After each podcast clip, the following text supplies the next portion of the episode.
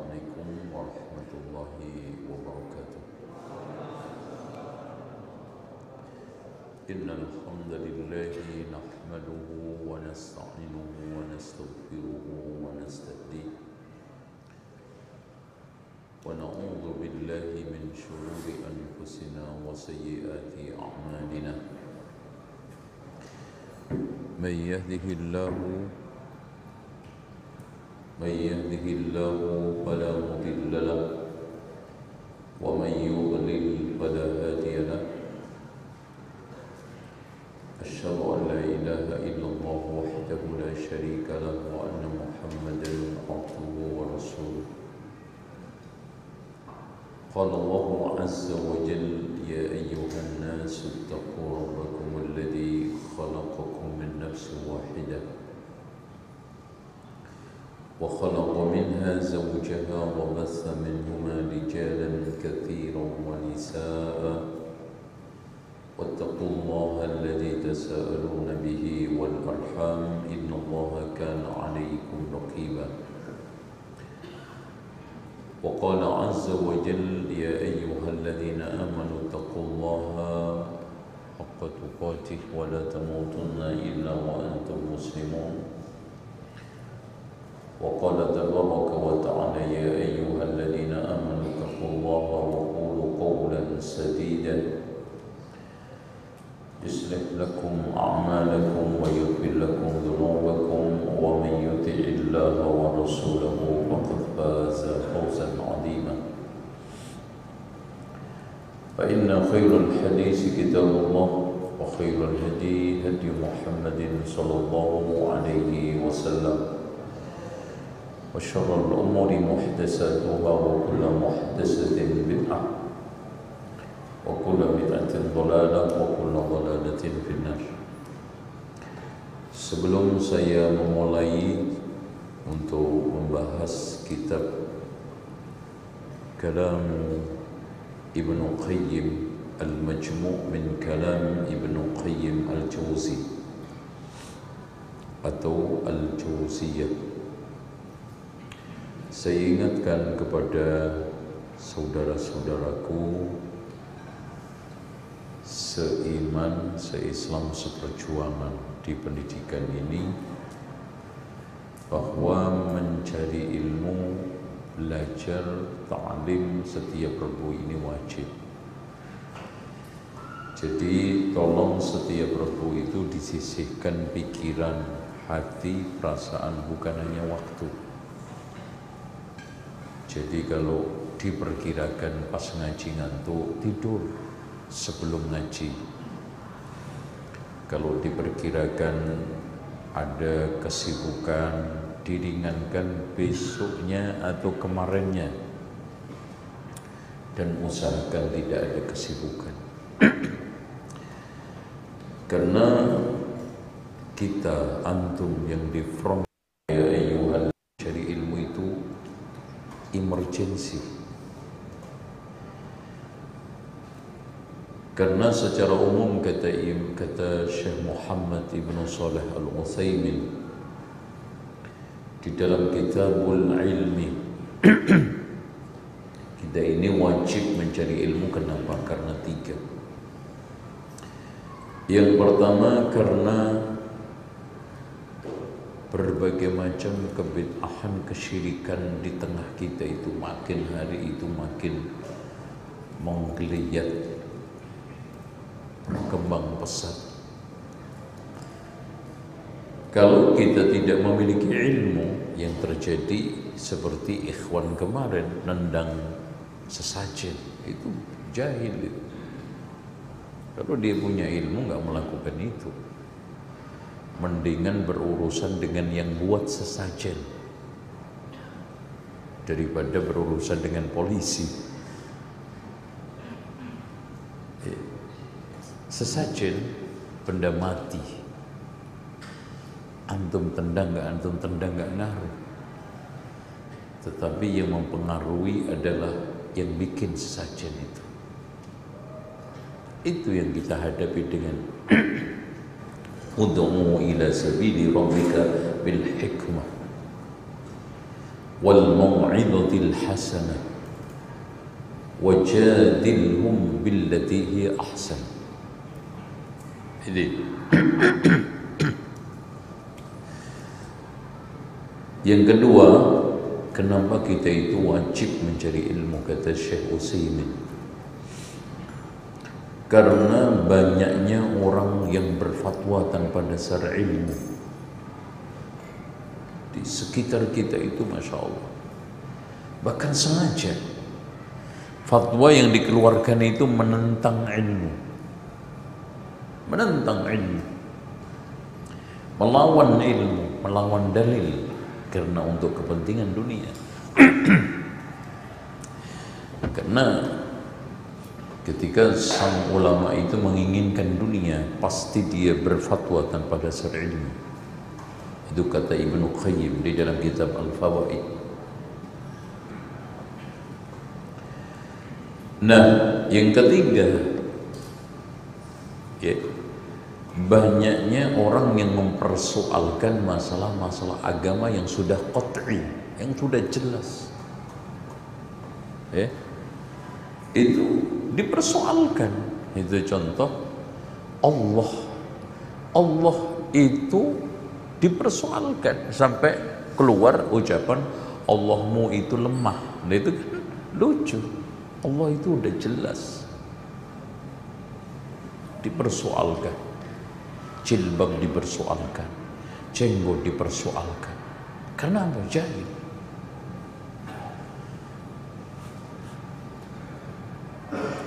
ya sehingga kita kalau tidak mengupdate ilmu sementara bid'ah syirik syubhat di tengah kita update antum yang digulung. Ya antum yang digulung. Dilipat dilipat-lipat satu kesyirikan aja itu syubhatnya bisa puluhan satu kebid'ahan itu syubhatnya bisa puluhan apalagi di sekitar kita ini ratusan syirik ratusan macam bid'ah tuh makanya kita harus mencari ilmu syukur Antum masuk televisi ya? Belum mandi lagi.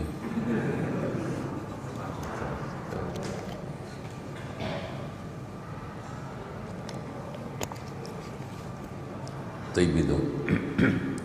Dan tujuan kita belajar jangan sampai keliru. Ketika Imam Ahmad ditanya, Wahai Abu Abdullah, kenapa kita belajar? untuk menghilangkan kebodohan dari diri kita dan dari orang lain itu makanya anak-anak antum luruskan nanti ditakdirkan Allah bisa belajar di Medina jangan pengen jadi ulama salah jangan pengen jadi ustadz viral lebih salah. Apalagi jadi pembimbing umroh konyol itu. Udah jauh-jauh susah-susah berebut bersaing begini yang punya kesempatan cuma jadi pembimbing haji umroh. Untuk menghilangkan kebodohan diri dia sama orang lain di sekitarnya. Ku anfusakum wa ahlikum. Ya. Liyungdaru ini uh, liyungdiru qawmahum idha raja'u ilaihim itu yang gitu sekarang kita masuk ke dalam ini harusnya per lembar yang saya bahas di kopi ya. Besok anak suruh gitu aja. Atau anak kasih di grup gitu. Ya, bisa dibaca ya ma duriba abdun kata Imam Ibnu Qayyim. Ma duriba abdun bi uqubatin a'zamu min qaswatil qalbi. Tidak ada azab paling pedih yang Allah timpakan kepada seorang hamba ketimbang kerasnya hati. Makanya antum itu harus bersedih. Kita harus bersedih. Kenapa hati ini sulit untuk diajak duduk di majelis ilmu nggak betah diajak untuk ta'lim ada apa? Ilmu itu cahaya. Ada apa dengan diri saya? Diajak sholat itu nggak betah. Kok malah betahnya di kafe? Kalau di ngangenin lumayan, laku. Ya kan gitu. Buminya seneng tuh sholat. Ya. Ya, tapi kalau di situ, masya Allah, Makanya Allah tegaskan fawailul lil qasiyati qulubuhum min dzikrillah fawailul lil qasiyati qulubuhum min dzikrillah ulaika fi dhalalim mubin. Dhalal. Orang yang hatinya keras itu pasti tersesat hidupnya itu oleng mas. Gak seimbang.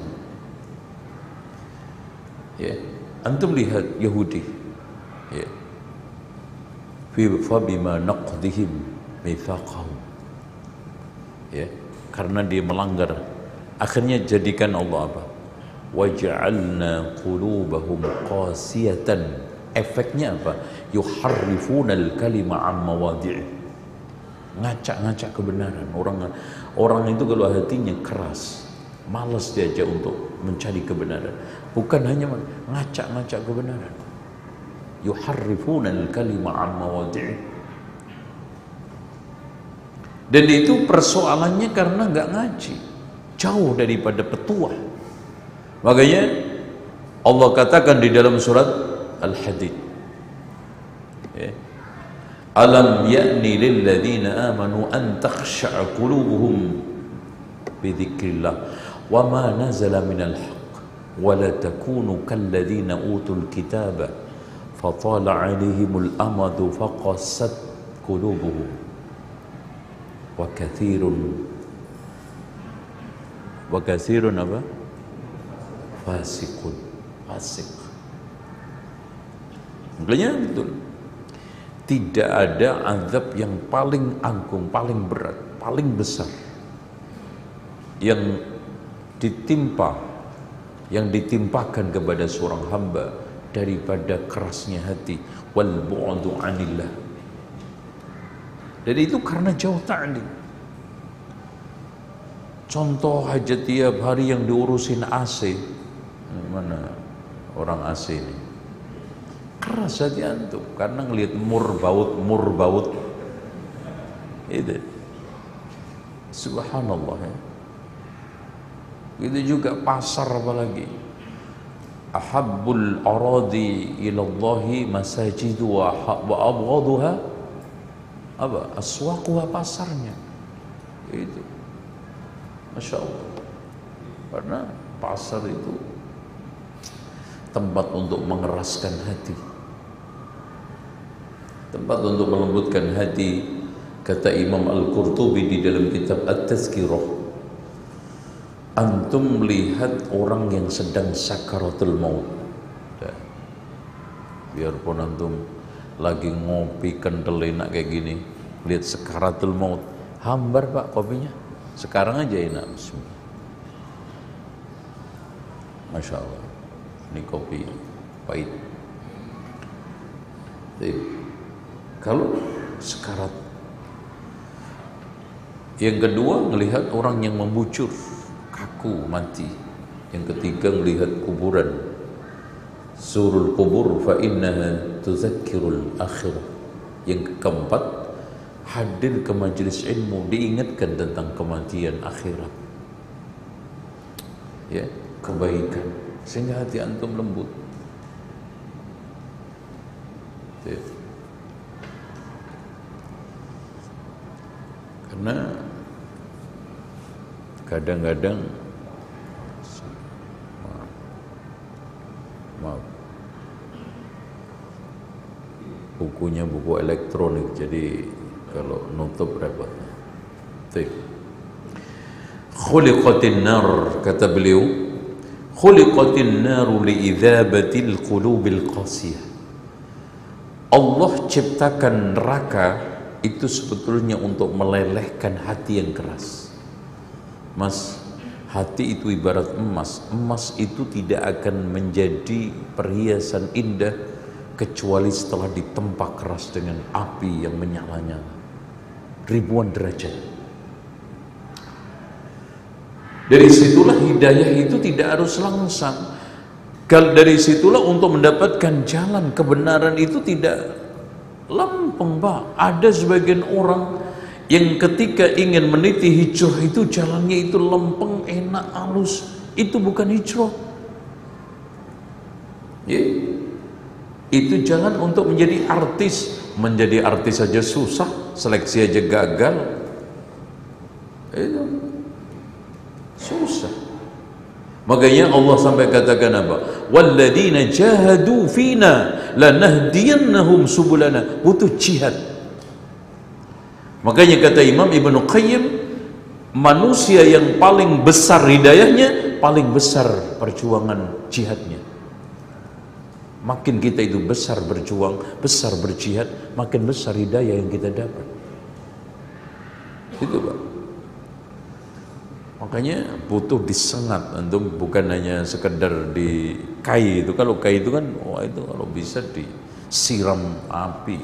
Makanya nggak kena juga disiram betul di akhirat nanti. Tuh, itu. Makanya kata beliau, ab'adul qulubi minallahi al-qalbul qasi hati yang paling jauh dari Allah adalah hati yang keras kenapa? Karena hati keras itu tidak bisa mendikrillah tadi itu. Ingat Allah itu nggak ada jauh. Makanya idza qasal qalbu qahu tatta qahu tatil ain qahtun. Jadi kalau hati itu keras maka mata ini apa? Terjadi kekeringan. Sulit untuk meneteskan air mata. Eh, Pak Sedik gimana? Antum lepas ininya mas. Eh, maskernya biar ketahuan wajah ngantuk dan enggaknya. Tolong kopinya diminum kopi biar enggak ngantuk. Antum kopi ini antum mau? Ini pahit ya.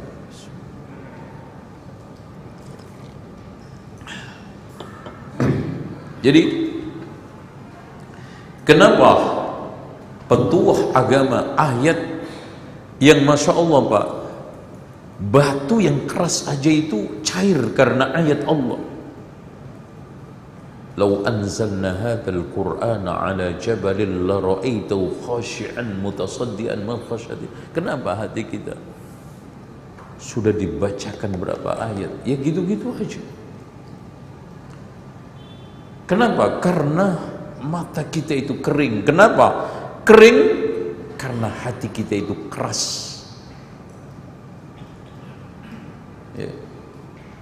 coba bayangkan ya ikhwah sekalian. Bagaimana Abu Hurairah radhiyallahu an perawi hadis tentang salah satu awwalu man tusa'ar bihimun naru yaumal qiyamah. Tiga orang yang dimasukkan oleh Allah pertama kali di neraka itu tiap meriwayatkan hadis ini beliau pingsan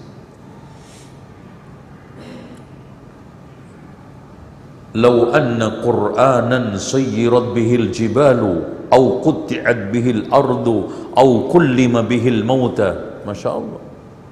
Bisa pak. Andaikan Quran ini digunakan untuk geser gunung matahkan ini apa bumi atau orang yang hid, mati menjadi hidup bisa itu Quran. Tapi kenapa hati kita nggak bisa? Bahkan mending batu. Wa inna minha lama yatafajjaru minhul anhar ini harus kita renungkan kita ini udah lama ngaji, jangan sampai kayak ahli kitab wala takunu kalladzina utul kitaba fatala alaihimul amadu faqasat qulubuhum. Makin lama ngaji, makin lama tahu dalil kok makin keras ini kenapa? Kenapa? Harusnya kan kopi ini makin dipanasi makin enak gitu loh Pak. Jangan kayak aspal makin keras, makin lama makin keras. Itu kayak kopi gitu pak, makin panas, makin kental, makin enak. Ini udah lama ngaji, kadang kita berenung ya Allah anak 20 30 tahun berdakwah mendapati hidayah sunnah ini sejak tahun 90 ini makin hari ini trennya su'ul khotimah apa khusnul khotimah ya. ini kita renungkan. Kenapa? Sampai hari, hari ini dalil berkali-kali yang supaya kita itu menjaga mulut. Nggak kena sama diri kita dalil yang sering afsus salama wa at'imu ta'ama wasilul arhama wa sallu bil laili wan nasu niyam tadkhulul jannata bi salam. Enggak kena itu. Udah udah guru di sini kesempatan. Nebarkan salam di tengah anak aja nggak kena. Padahal afsus salam itu antum loh pak. Bukan kepentingan kerja ini kepentingan akhirat kita. Masuk surga tanpa aral melintang. Coba tadkhulul jannata bisalam. Simple empat. Karena itu tiap hari mohon kepada Allah ya Allah, anak nggak bisa banyak-banyak beramal. Empat ini mudah-mudahan jadi andalan saya sampai ketemu engkau ya Allah. Absus salam, tebarkan salam. Wa at'imu ta'am dan memberi makan ini nggak peduli mau kafir mau orang sholat nggak sholat nggak ada masalah. Nggak ada masalah nggak pernah dipermasalahkan oleh Allah. Karena Allah katakan ya di dalam Al-Qur'an wa yut'imun wa yut'imuna at-ta'ama 'ala hubbihi miskinan wa yatiman wa asira. Asira itu kafir. Nggak mungkin tawanan itu muslim menawan muslim pasti kafir itu boleh kok kita kasih makan. Wasilul arham, merakit hubungan dengan saudara kita yang memang gampang putus. Kalau nggak putus itu, ya nggak pernah tahu, itu kan gitu, nggak pernah kenal. Itu. Wasallu bil laili wan nasu niyam تتجافى جنوبهم عن المضاجع يدعون ربهم خوفا وطمعا ومما رزقناهم ينفقون. تتجافى جنوبهم عن المضاجع. يدعون ربهم خوفا وطمعا ومما رزقناهم ينفقون. kaji antum harus ada meskipun hanya 2000 antum keluarkan supaya antum dapat tiga-tiganya.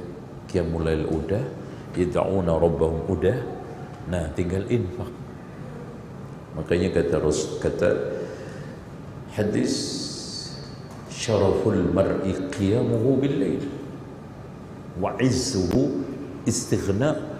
Jadi bukan senangnya itu dikasih Pak. Ini harus kita tingkat kita itu kan senangnya dikasih belum sampai tahapan seneng ngasih. Bahagia banget. Kalau aku udah bagi-bagi sembako ngasih makan si Anu nganterin si Anu kasih baju si Anu. Bukan yang yang umum kan seneng banget. Aku kemarin dikasih sepatu sama si Anu. Waduh seneng banget. Anak kemarin dianterin sop sama si Anu. Cuman saya habis makan sop batuk-batuk. Racun tikus kali kan gitu itu harusnya begitu. Taib. Qaswatul qalbi min arba'ati asya. Kata beliau hati ini keras karena empat perkara. Yang pertama adalah uh, mubalaghatu atau apa istilahnya ya Bas? Berlebihan di dalam masalah makan. Makanya kata Imam Ash-Syafi'i saya hampir 30 tahun tidak pernah makan kenyang kecuali sekali. Itu pun saya masukkan jari saya ke mulut saya muntahkan. Karena kekenyangan menyebabkan mudah tidur. Tuh Pak Sidik Tuh, jangan banyak nasi. Apalagi kalau sudah umur di atas 50, hindari nasi. Ya, makan aja gorengan banyak-banyak. Podo aja. Terus kemudian yang kedua, kerasnya hati.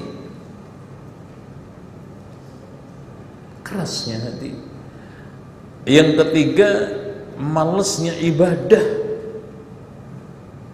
Yang keempat, tumpulnya akal. Tumpul. Orang sering kenyang itu tumpul. Karena subhanallah, itu bukan hanya soal uh, nilai abstrak ternyata selaput-selaput uh, syaraf otak itu akan lemah ketika sering kenyang dan akan bagus ketika dia itu sering kosong itu apalagi makannya itu kasar tidak berserat itu kan makanya makanan yang ada kan disebutkan di dalam kitab Ta'limul Muta'allim. Karyanya karya siapa? Zarnuji makanan-makanan yang bikin kita itu kuat hafalan di antaranya apa? apokat. Nah gitu. Apokat.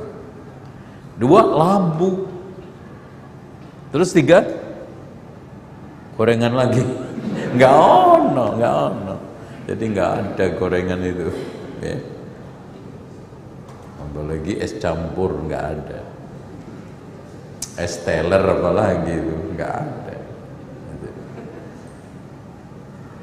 Terus kismis itu juga termasuk masya Allah. Itu makanan yang direkomendasikan oleh para ulama meng menguatkan hafalan tuh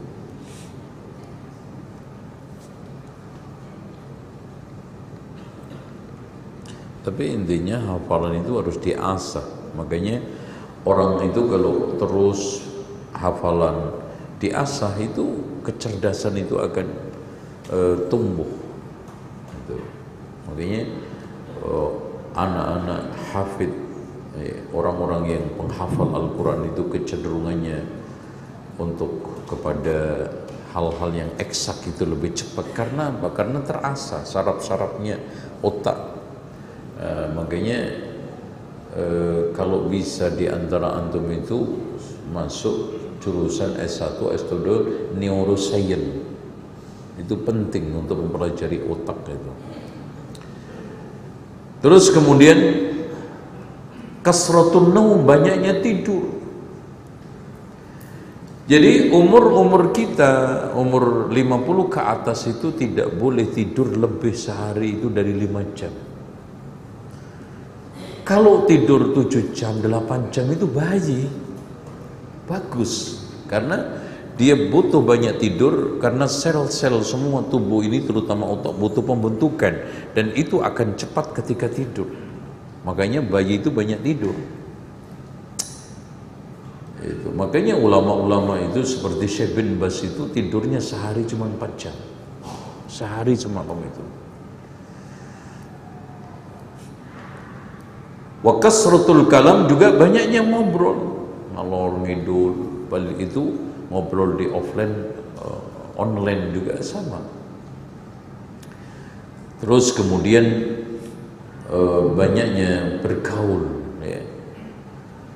Makanya sampai ada satu hadis yang juga diturunkan oleh Imam An-Nawawi bahwa as-sahabatu arba'atun teman itu hanya empat. Betul Pak? Walaupun hadisnya di dalam sanadnya itu ada masalah tapi kita itu betul-betul bisa memiliki teman karib tulus dunia akhirat dan kita bisa memberikan hak-hak pertemanan lebih dari empat itu susah cek aja antum punya teman dua tiga. Sekarang antum diundang nggak datang aja itu udah kles ya supaya bisa menjaga apa? Diundang datang ada walimah datang sunatan datang sakit datang pernikahan nganterin ke kuburan nganterin. Ya kalau susah harus bantu. Dan itu jarang. Makanya teman karibnya Rasulullah itu sebanyak-banyaknya sahabat. Yang karib itu empat. Abu Bakar, Umar, Utsman, Ali.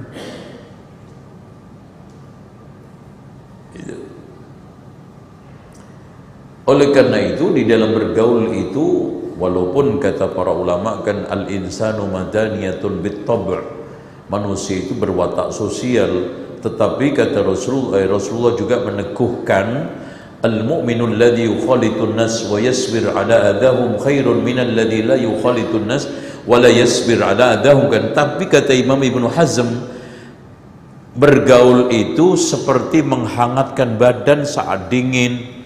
Jangan terlalu masuk badan antum mateng jangan terlalu jauh enggak anget-anget. Gimana caranya? Jaga jarak. Kurang anget maju dikit. Keangetan mundur gitu. Terlalu antum repot. Nggak punya teman juga repot. Itu uzlah repot. Antum apalagi suka ngutang. Nggak punya teman repot. Koperasi paling jadi sasaran. Itu kan. Tapi kita banyak teman itu juga repot. Makanya antum lihat saja orang yang punya grup-grup banyak itu nggak punya waktu untuk mengatur dirinya. Kecenderungannya diatur. Entah itu grup yang offline dari mulai arisan terus apa lagi? Eh, paguyupan geng motor ya. Kan ada motor Islam motor sunnah. Kan gitu? Apa lagi? Eh? Alumni ya grup alumni gitu Demo aja ada alumninya coba bayangkan apalagi tambah alumni sekolah coba bayangkan. Aduh capek banget tuh. Jadi qaswa hati kita jadinya keras, nggak ada waktu untuk membangun hubungan dengan Allah. Makanya antum lihat kenapa kita itu harus iktikaf karena saat itu kita putuskan hubungan dengan makhluk untuk membangun hubungan dengan Khalik. Kenapa? Banyak curhat mengadu sama Khalik memperbaiki kualitas hati banyak curhat komunikasi dengan makhluk memperkeruh hati tuh Baik.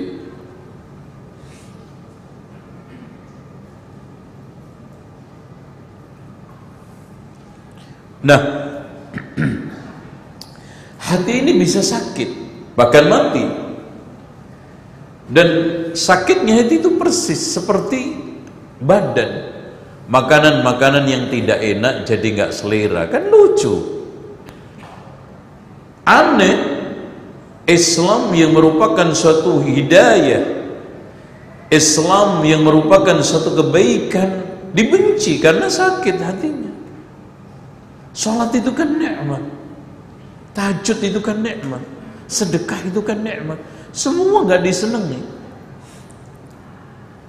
Kenapa? Karena hatinya sakit. Zikir itu kan nikmat. Ala bidzikrillahi tatmainnul qulub. Tapi kenapa banyak orang yang tidak selera? Jadi untuk zikir pagi sore nggak pernah kena. Karena hati masalahnya. Dan penyakit hati itu pintunya uh, ada yang pintu besarnya subhat sama syahwat itu pintu besar. Nanti rusaknya kalau syahwat itu pola tingkah lakunya. Kalau subhat pola pikirnya yang rusak. Makanya orang itu kalau kena subhat yang miring ininya. Yang miring ininya. Subhat kalau syahwat yang miring tingkah lakunya. Lah orang kalau sudah pola pikirnya miring, pola tingkah lakunya miring ya bablas. Bahkan kata Allah fa'adba'ahu syaitanu wa kana minal ghawin. Hidupnya diikutin setan coba bayangkan. Yang jadi pengikut siapa ini? Mas ini nyambung kan ya? Yang jadi pengikut di sini siapa setan masya Allah. Pengikut. Uh, kalau pengikut setan aja jelek ini nggak main-main. Setan yang jadi pengikut dia. Coba bayangin pak. Ngeri. Setan jadi pengikut dia. Eprit itu anak ikut lu aja deh. Padahal Allah ingatkan alam a'hadi ilaikum ya bani adam alla ta'budu syaitan. Kita yang harusnya dilarang untuk menjadi pengikut. Jadi pengikut setan itu jelek apalagi diikutin setan hidupnya. Assalamualaikum Nah untuk menuju ke sana ada satu jendela empat kata Imam Ibnu Qayyim. Jendela pertama adalah khotorot lintasan-lintasan. Khotorot dan terlintas menggoda janda seret gitu. Iya ada. Itu singguyu rumongso yang ketawa kulino. Seret kadang-kadang ada lintasan mau ngerecokin sekolah. Lintasan. Dan itu muncul dan kita bisa benarkan karena didorong oleh iblis. Makanya walaqad saddaqa alaihim iblisu dhannahu. Itu kan itu. Seret mau lintasan mau ngutip mau nipu mau nggak jujur mau bohong khotorot yang kedua lahadat lirikan khainatul a'yun. Kita bisa berdua. Tapi mata ini ke mana? Itu kadang-kadang khianat. Teman sampai kita nggak ngerti. Antum ketika mewawancarai wali murid khianat nggak mata antum? Nah jujur. Kok menang sampean? Nah, itu. Mata ini kadang-kadang khianat. Uh cakep juga ya. Nah, itu khianat itu. Seandainya istri antum mampu membaca hati antum yakin dibogem loh khainatul a'yun. Dan Allah itu mengetahui khainatul a'yun. Ajar makanya hati-hati. Atau yang punya jam di akhwat SMP SMA hati-hati. Gitu ya wah udah adem duluan ini. Bismillah. Nah yang ketiga khutuat tapak-tapak. Itu, itu. Melangkah. Ya kalau Pak Syarif hanya urusannya bunga udah sehebat-hebatnya maling nyium bunga. Eh, kan gitu Pak Syarif ya? Itu Pak Syarif paling dikit dosanya di sini Pak Syarif banyak pahalanya tuh Pak Syarif ya? Masya Allah. Paling juga ngelihat bibirnya ikan. Gitu Pak Syarif ya? Terus kemudian pintu oh, apa namanya eh, selanjutnya adalah apa?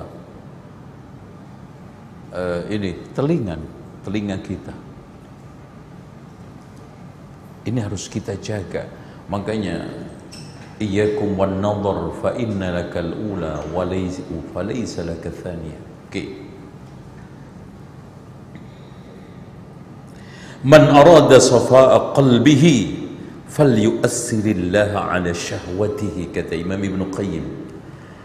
Siapa yang ingin hatinya itu terang lapang hendaknya mendahulukan kepentingan Allah daripada kepentingan syahwatnya.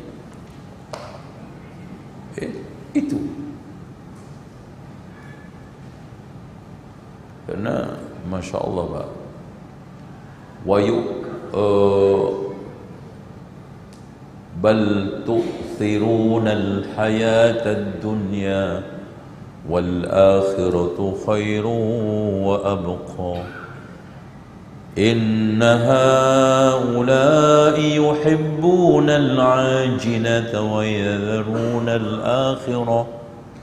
itu kita ini di di HBS ini Pak jangan antum semua segerakan di sini. semua mau dirupakan gaji dunia mana akhirat antum lupa إن هؤلاء يحبون العاجلة ويذرون وراءهم يوما ثقيلا tinggalin itu yauman sakila nanti kita menghadap Allah bekalnya apa antum kuras semua di dunia dan kita kata Imam Ibnu Qayyim berdiri di hadapan Allah dua berdiri ketika sholat dan berdiri ketika yauma yaqumun nasu li rabbil alamin nanti yaumal hisab ini.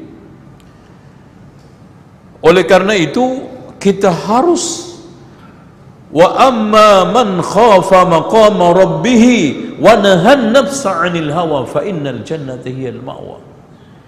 Tapi jangan sebaliknya fa amma man tagha wa athara al hayata dunya fa innal jahima hiyal ma'wa.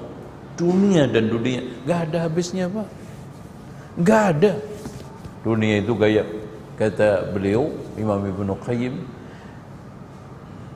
menikmati dunia itu seperti minum air garam mengejarnya seperti berenang di danau buaya kira-kira selamat nggak sampai yang diterkam mau menerkam buaya sampai mencarinya seperti berlaga di hutan belantara penuh dengan singa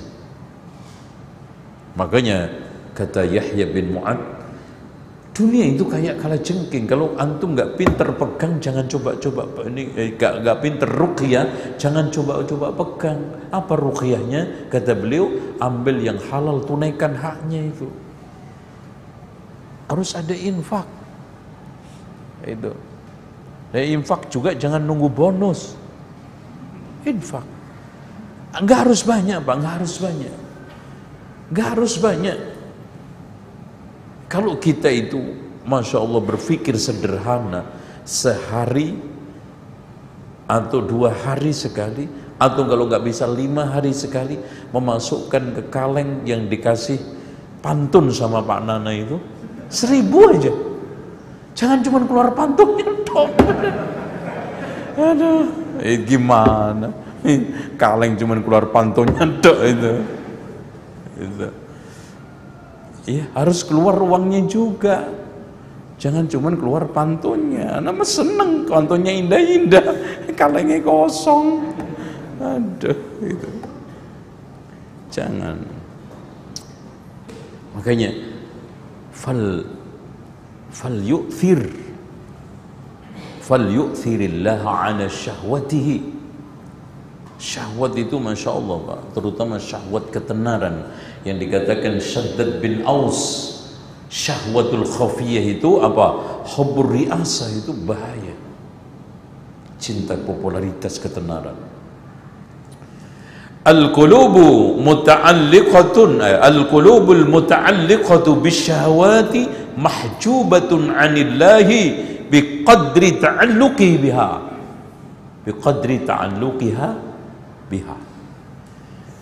Jadi hati yang tertaut dengan syahwat ini dia akan terhalang dari Allah sesuai dengan ketertautan dengan syahwat itu. Makin tebal makin jauh dari Allah makin dia itu hubbus syahwatnya itu tinggi keras berat makin berat dia ketemu Allah.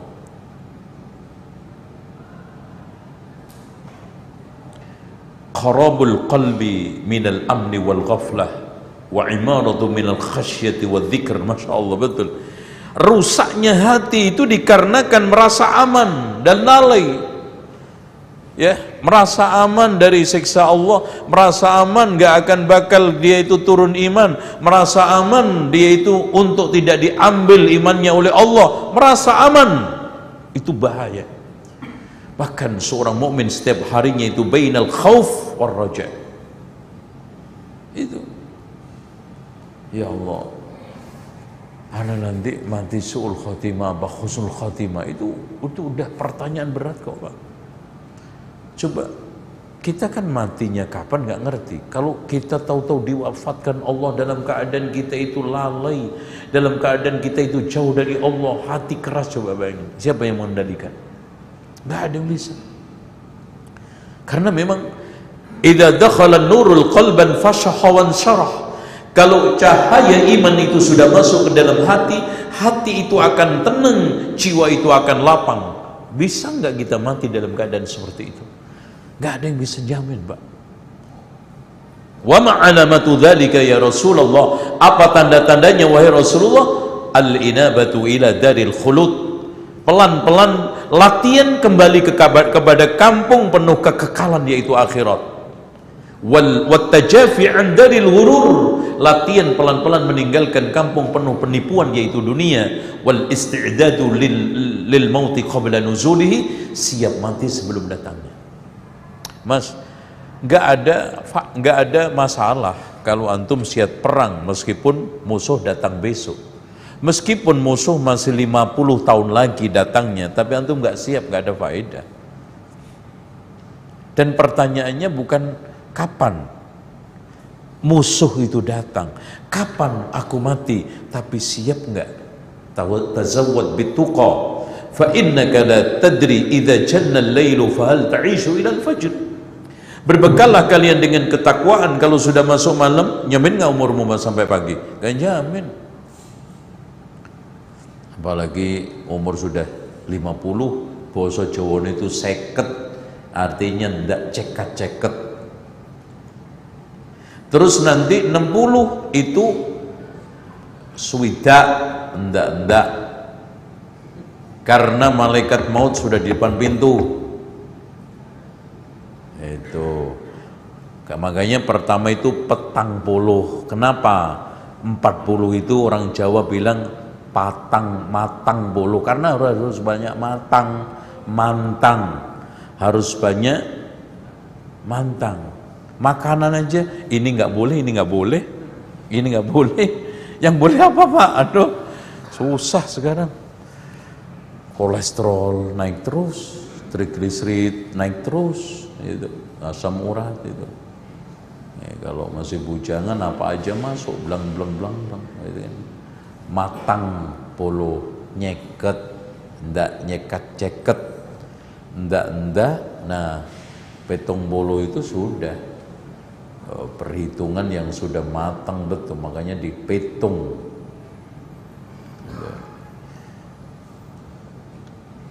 Makanya wakam min salimin mata bi ghairi illatin. Berapa banyak orang yang sehat mati tanpa sebab penyakit. Wakam min sakimin asyahinan min dahri. Ya kita nggak berasa di sini. Ya se di antara kita subhanallah sudah mulai ubanan ya. Di antara kita sudah mulai anaknya besar-besar, bentar lagi menantu, bentar lagi nyucu, sebentar lagi bahkan ada yang mati. Nah, itu. Pak Dayat bisa aja mati duluan daripada saya. Itu. Begitu juga Pak Susawa bisa saja saya lebih akhir dari Pak Susawa. Itu kan? Itu namanya nasib Pak, ya nggak mesti. Okey. Kharabul qalbi. Nah, wa imaraduhu min al-khashyati wa Dari khasyah اللهم اقسم لنا من خشيتك ما تحول به بيننا وبين معصيتك ومن طاعتك ما تبلغنا به جنتك ومن اليقين ما تهون علينا مصائب الدنيا Allahumma matti'na bi asma'ina Masya Allah betul Pak Allahumma qsim lana karena kita kalau nggak dikasih Allah khasyah nggak bisa. Ya Allah berikanlah bagian bisa khasyah tahulu bihi bainana wa baina ma'asiyati wa min ta'atika ma tuballighuna bihi jannatan. Wa min al-yaqin kenapa? Tuhawwin. Karena keyakinan itu yang meringankan musibah dunia. Antum kalau yakin kerja di HBS ini faedah, rintangan ataupun antum terabas. Begitu juga ketika antum yakin mudik itu faedah. Macet 20 jam ke Batang itu dilakoni loh mas. Dijalanin. nggak ada masalah tuh. Enjoy bahkan cengar-cengir terus di jalan. Kenapa dia bisa menikmati perjalanan yang begitu susah. Mudik hanya ke Batang, hanya ke Kendal 20 jam. Karena yakin ini jalan satu-satunya untuk menyenangkan orang tua, silaturahmi ketemu, apalagi akhirat, masya Allah. Idil fata hasba'di qadihi rufi. Terus, imritinya mana? Idil fata hasba'di qadihi rufi. Man lam ya, man lam ya, eh, man lam ya'taqid lam yantafi. Kan gitu. Seorang itu tergantung keyakinannya. Siapa yang nggak yakin nggak dapat faedah. Susah terus ya antum nggak yakin terhadap profesi yang antum tekuni maju mundur susah. Itu kan?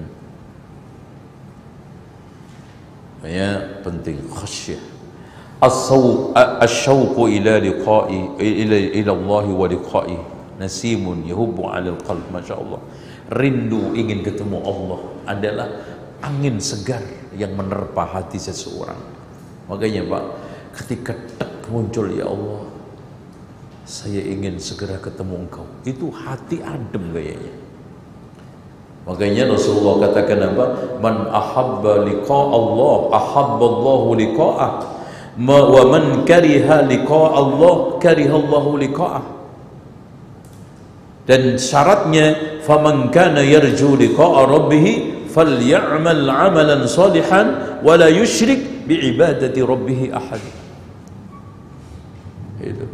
Makanya kata Sahal bin Abdullah At-Tustari tidak ada orang yang nikat mati kecuali tiga satu orang yang tidak mengerti kehidupan setelah kematian.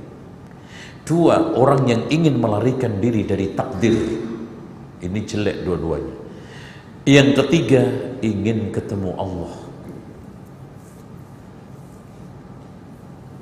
Ya, sebetulnya hidup di dunia ini malang melintang. Makanya kata orang malang melintang. Kan nggak ada yang benar kan? Malang juga nggak benar, melintang juga benar. Susah. Cuman kita jadi senang karena belum jelas surga kita aja.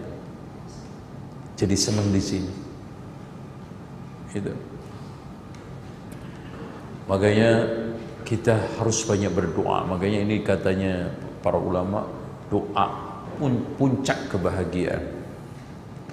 Allahumma bi'ilmikal ghaib وقدرتك على الخلق أحييني ما علمت الحياة خير لي وتوفني إذا علمت الوفاة خير لي اللهم إنا نسألك خشيتك في الغيب والشهادة ما شاء الله خشية في الغيب والشهادة. وأسألك الرضا وأسألك العدل في الرضا والغضب وأسألك القصد في الغنى والفقر وأسألك الرضا بعد القضاء وبرد العيش بعد الموت. ما شاء الله. رضا بعد القضاء. Karena kadang kita ngadepin takdir itu keluh kesah. وبرد العيش بعد الموت. وأسألك ladzatan nadhar ila wajhik wasyauq ila liqaik. Masya Allah oke okay. asyauq ila man watana qalbu inda rabbih sakana wastarah. Siapa yang meneguhkan hatinya di atas Rabbnya taat kepada Rabbnya khasyah kepada Rabbnya berharap kepada rohnya dia akan tenang wa man arsalahu finnas siapa yang melepaskan hati ini di dalam perebutan manusia ya pengen dipuji gak enak sama orang pengen disanjung takut sama fulan. Nah antum hati antum jadi bancaan kuncang letakkan sama Allah jangan letakkan sama manusia. Takut ini, takut itu, pengen ini, pengen itu sama makhluk, bukan sama khalik. Ya. La tadkhul mahabbatullahi fi qalbin fi hubbud dunya Masya Allah. Cinta Allah tidak akan masuk ke dalam hati yang berlumur dengan cinta dunia Illa kama yadkhulul jamal fi sammil ibrah. Jadi cinta mahabbatullah itu tidak akan bisa masuk ke dalam hati yang gemuruh dengan cinta dunia. Kecuali unta suruh masuk lubang jarum ya nggak mungkin Thomas ya dah nggak mungkin. Lob, manusia masuk ke lubang lubang biawa aja nggak mungkin. Apalagi Allahu Akbar. In idza ahabballahu 'abdan masyaallah ini Pak. Nih dengerin. Inna idza ahabballahu 'abdan jika Allah mencintai seorang hamba ditandai istona'ahu li nafsihi Allah gunakan untuk kepentingan dirinya. Kita digunakan oleh Allah untuk kepentingan agamanya untuk kepentingan mahabbahnya khasyahnya tawakalnya. Allahu Akbar. Wajtabahu li mahabbatihi. Dipilih oleh Allah untuk bisa mencintainya makanya doa kita Allahumma inna nas'aluka hubbaka wa hubba man yuhibbuka wa hubba amalin yuqarribuni ila hubbik. Itu harus Pak. Antum panjatkan terus. Allahumma inna nas'aluka hubbaka wa hubba man yuhibbuka wa hubba amalin yuqarribuni ila hubbik. Karena ini fasyaggala ah, maaf wastakhlasahu liibadatihi Allah pilih Allah ikhlaskan untuk ibadah jadi Orang itu kalau diinginkan cinta Allah, mencintai Allah itu diikhlaskan dalam ibadahnya. Makanya yang dituntut Allah itu bukan aksaruhum amana, tapi ahsanuhum amana. Liyabluwakum insyaallah nanti pertemuan yang akan datang kita akan bahas paling banyak amalnya atau paling baik amalnya. Itu judulnya nanti Mas. Ya.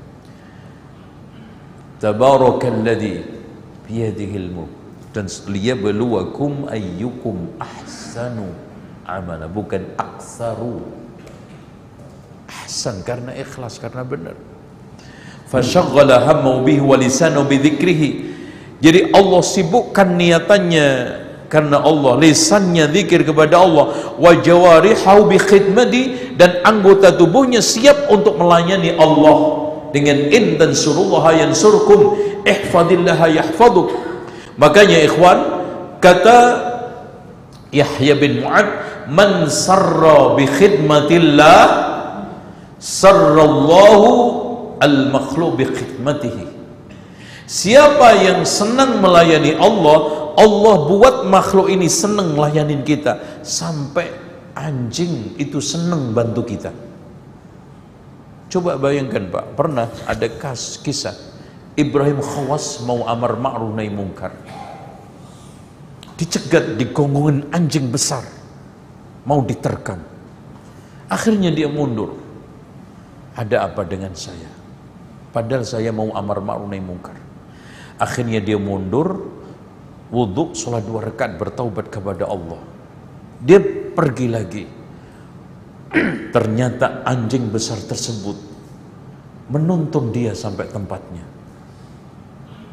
karena kita masih nggak ikhlas kita karena belum tulus ada dosa yang perlu kita hilangkan sehingga anjing pun tidak bersahabat dengan kita makanya betul kata para ulama dosa saya itu kadang ditunjukkan oleh Allah di kendaraan dan juga hewan-hewan saya.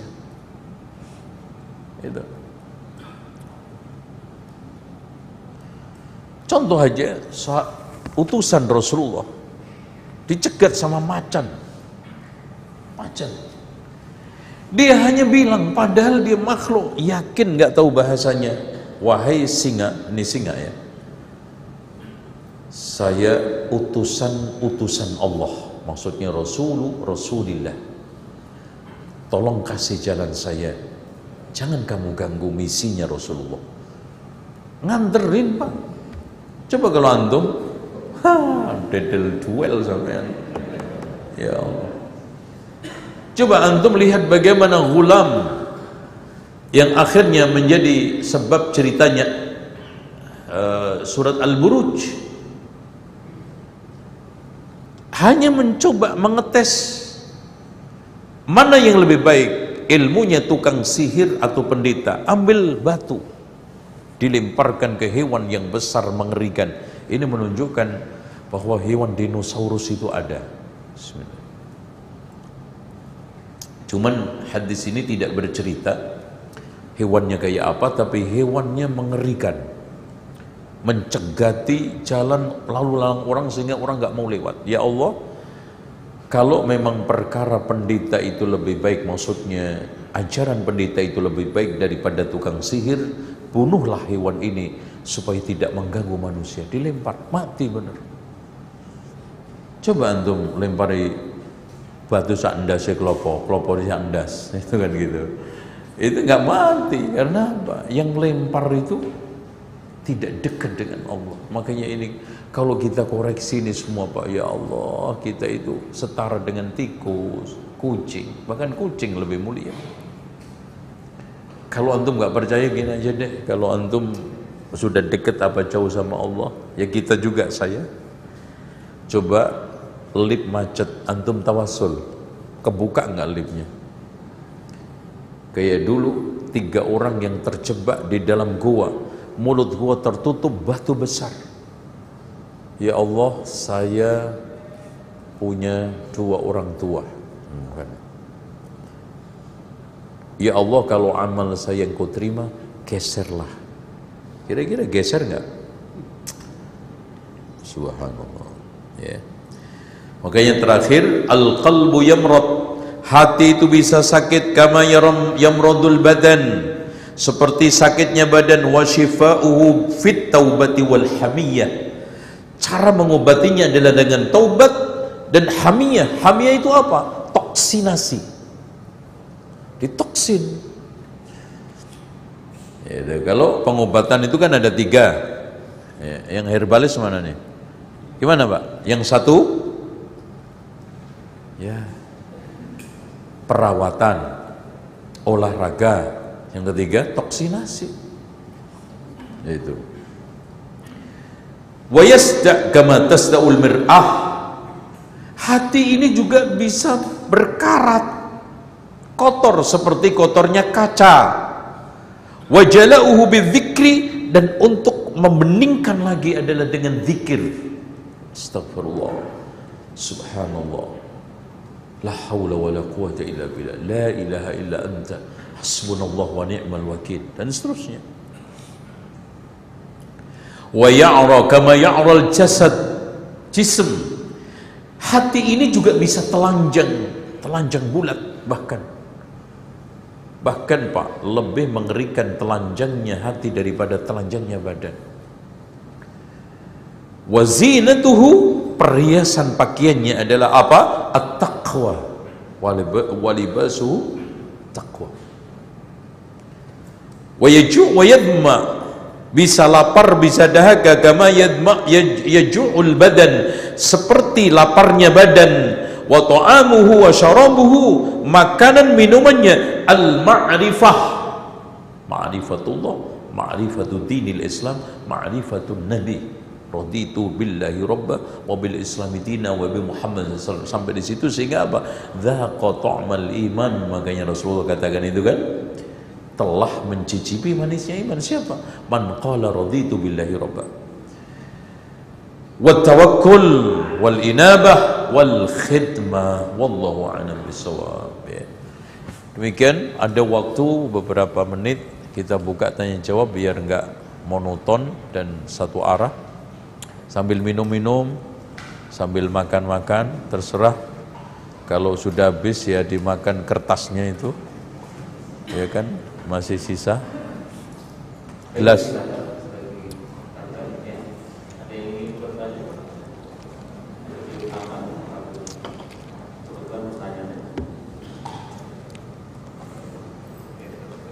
Silakan pakai mic. Assalamualaikum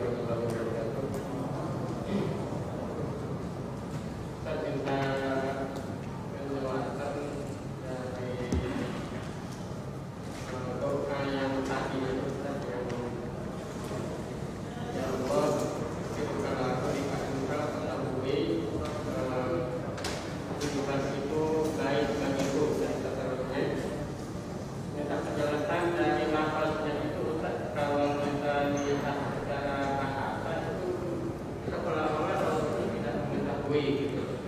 Jadi minta penjelasan tentang apa itu. Syukran. Taib. Al-ilmu itu maknanya adalah al qarrara yuqarriru. Jadi memutuskan. Contoh sami'a bermakna sam' mendengar, ada sami'a bermakna ajaba.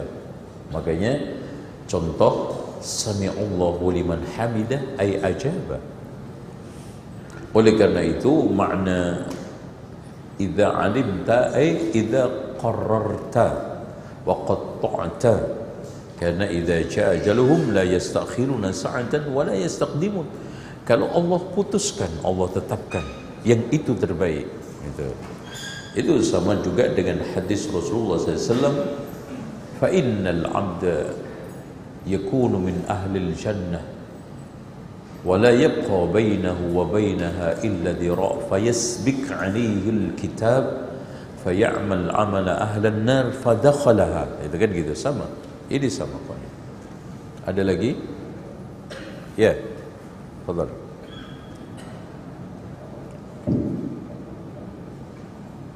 Bismillahirrahmanirrahim.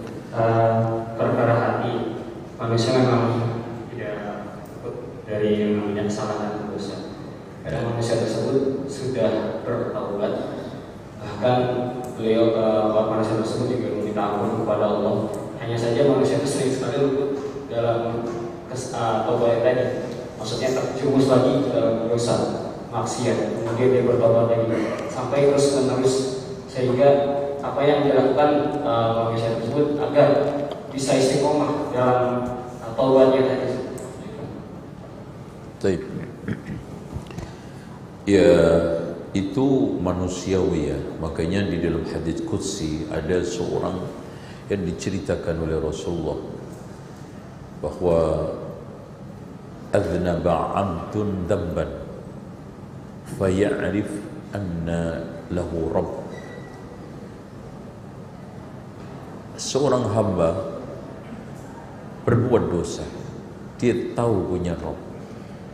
Terus kemudian dia bilang Allah maghfirli ya Rabb ya Allah ampuni dosaku.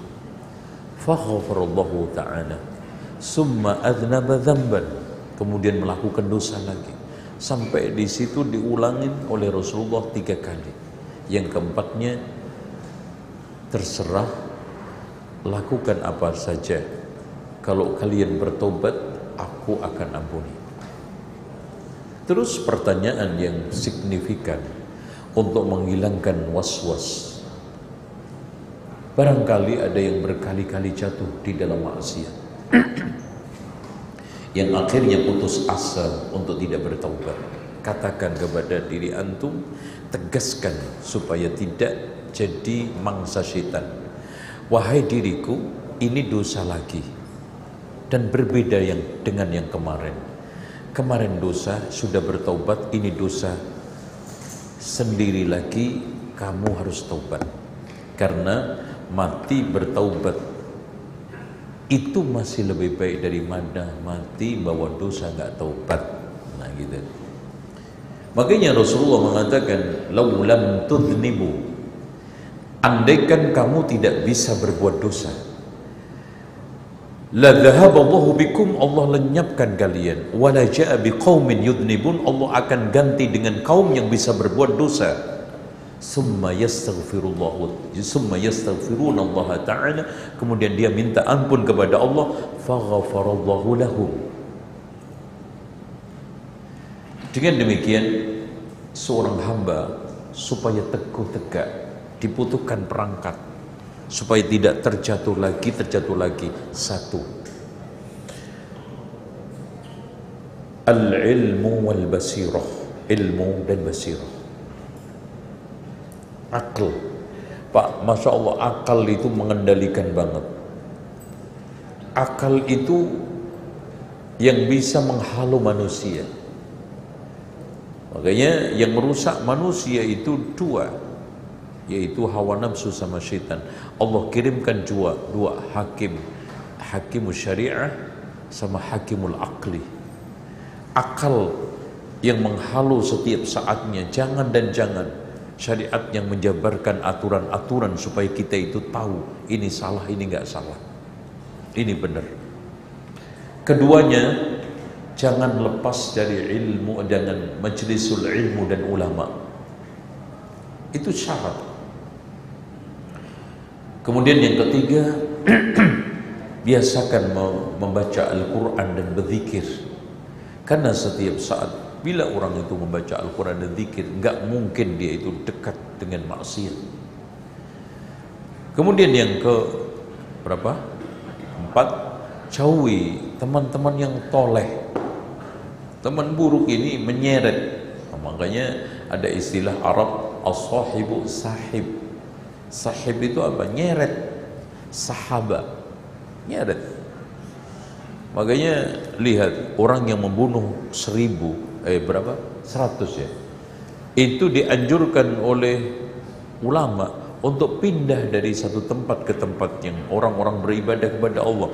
Karena ternyata yang merusak orang ini adalah lingkungan, teman.